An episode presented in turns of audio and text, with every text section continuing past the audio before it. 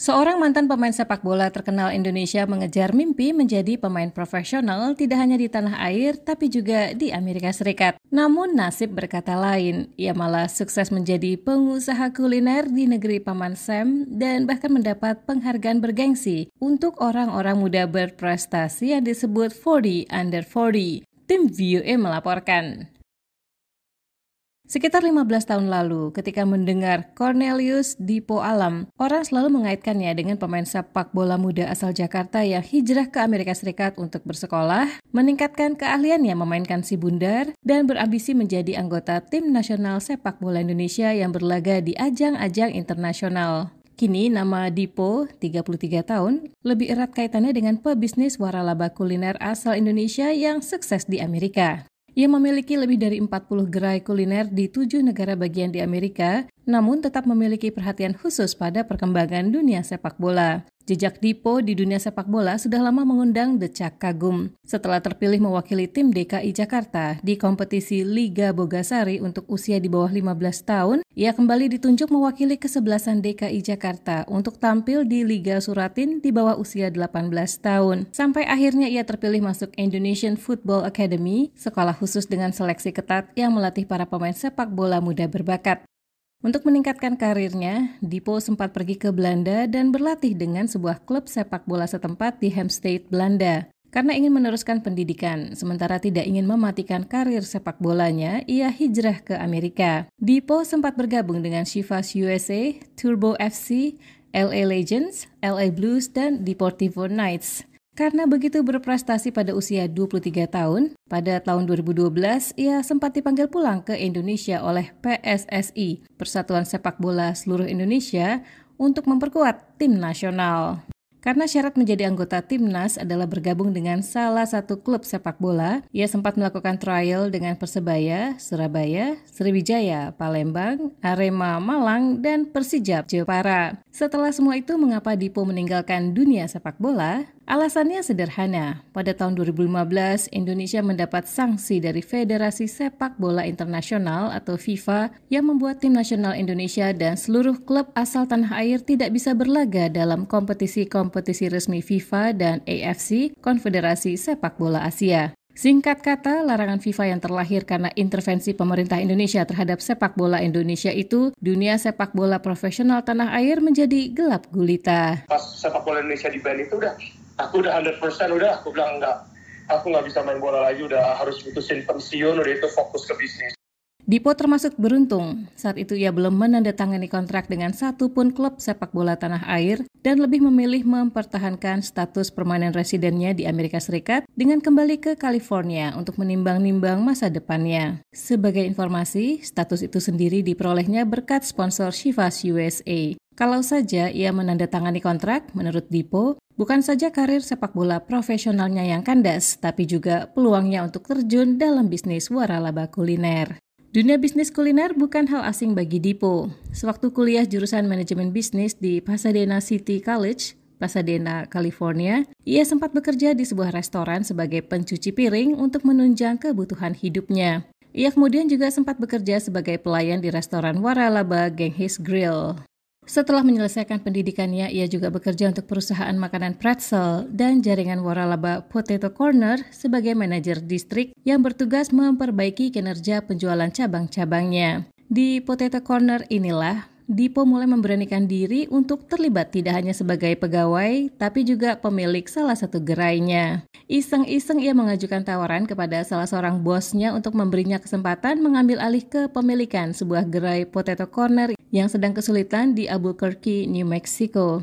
Karena Dipo tidak punya modal, ia meminta bosnya menanamkan modal, sementara kontribusi Dipo adalah bekerja untuk mengelolanya tanpa mendapat gaji. Aku mau offer 50-50 aku bilang kamu taruh duit aku jalanin tapi aku nggak ambil salary nggak ambil apa jadi kalau misalnya kamu hilang duit aku hilang duit tapi aku kerja mati-matian lah sampai tokonya itu berhasil Dipo berhasil dan ia tidak hanya puas dengan satu melainkan dua gerai. Setelah itu, sepak terjang Dipo seperti tidak terbendung. Ia sempat mencoba membuka gerai waralaba Jerky Guy, namun kemudian ditinggalkannya. Ia kemudian membuka waralaba Paleta Bar. Di bisnis yang disebut terakhir inilah Dipo mencetak sukses besar. Sejak ia membuka Paleta Bar pertama di dekat Coronado Mall pada Juni 2017, ia kini memiliki 40 gerai yang tersebar di tujuh negara bagian di Amerika Serikat. Paleta dalam bahasa Spanyol artinya tongkat kecil adalah es loli versi Meksiko, tetapi dibuat dengan bahan-bahan segar dan dilengkapi dengan berbagai topping. Isaac Sandoval, seorang pengusaha layanan kesehatan dan real estate di Albuquerque mengaku kagum atas keberhasilan Dipo. Dia menominasikan Dipo untuk mendapat penghargaan orang-orang berprestasi di bawah usia 40 tahun di kota itu yang disebut 40 Under 40. Nominasi yang diajukannya membuahkan hasil dan Dipo tahun ini masuk daftar bergengsi itu. Hardworking mentality that he has just really kind of um, intrigued me. And so it was very interesting to that podcast Ia bekerja keras, mentalitas kerja yang dimilikinya sungguh mengagumkan. Saya sendiri mengetahui dia sewaktu tanpa sengaja mendengarkan sebuah podcast soal Dipo. Dia ternyata pemilik paleta bar dan kebetulan saya, istri dan anak-anak saya hampir setiap hari pergi ke paleta bar untuk membeli es krim. Saya sungguh mengagumi jiwa kewirausahaannya. Paleta bar berkembang luar biasa cepat.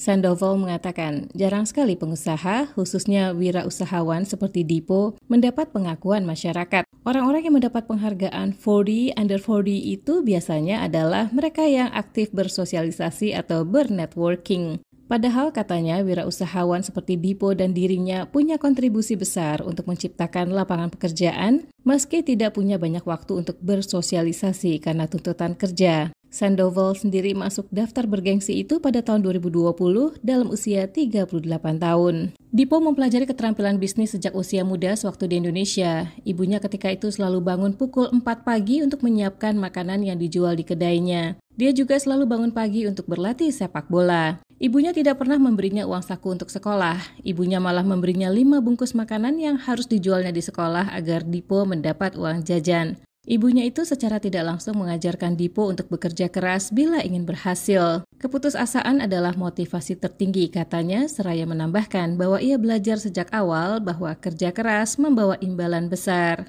Sewaktu pertama kali hijrah ke Amerika Serikat, hidup Dipo juga tidak mudah. Ia tinggal berdesak-desakan dalam sebuah apartemen dengan satu kamar tidur dan satu kamar mandi di kawasan pecinan Los Angeles. Kebutuhan akan makan, biaya sekolah, dan lain-lain dipenuhnya dengan bekerja di restoran. Dipo mengaku ia berbagi semangat kewirausahawan dengan karyawannya.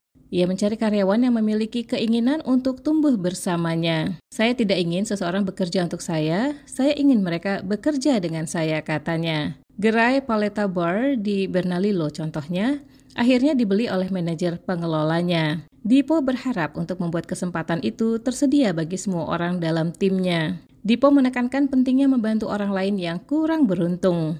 Ia secara reguler menyumbang ke Rumah Sakit Anak Universitas New Mexico dan pernah menyumbang ke organisasi Make-A-Wish. Pada hari Minggu, ia biasa terlihat di Coronado Park menyumbangkan makanan atau berbagai kebutuhan lain untuk para tunawisma melalui organisasi Last Chance Ministry. Pria yang baru saja menikah dan memiliki seorang putra tiri ini ingin karyawannya berbagi antusiasmenya untuk memberikan layanan yang baik dan produk yang sempurna. Ia dan stafnya selalu menyambut setiap pelanggan dengan senyum dan sapaan saat mereka melewati pintu. Apa yang tidak akan Anda lihat di tokonya adalah karyawan yang berdiri sambil menatap ponselnya. Saya memulai dari nol, katanya. Kita harus bekerja keras kalau ingin berhasil. Lakukan yang terbaik dan biarkan Tuhan yang melakukan sisanya. Dipo percaya bahwa datang ke Amerika Serikat telah memberinya banyak peluang. Dipo yang kini berstatus warga negara Amerika Serikat mengatakan, jika Anda ingin menghargai hidup di Amerika Serikat, pergilah ke negara dunia ketiga dan Anda akan merasa bersyukur berada di sini, kata Alam. This is the land of opportunity. Bagaimana dengan kecintaannya pada dunia sepak bola? Dipo mengaku menjadi relawan pelatih sepak bola di kesebelasan anak tirinya di sekolah. Ia juga menjalin hubungan akrab dengan klub sepak bola kebanggaan negara bagian di mana ia tinggal, New Mexico United. Ia tidak hanya sering bermain sepak bola dengan sejumlah anggota klub itu, tapi juga membantu mengembangkan bisnis sampingan New Mexico United. Sekian laporan tim VOA Arif Budiman, Lea Johannes.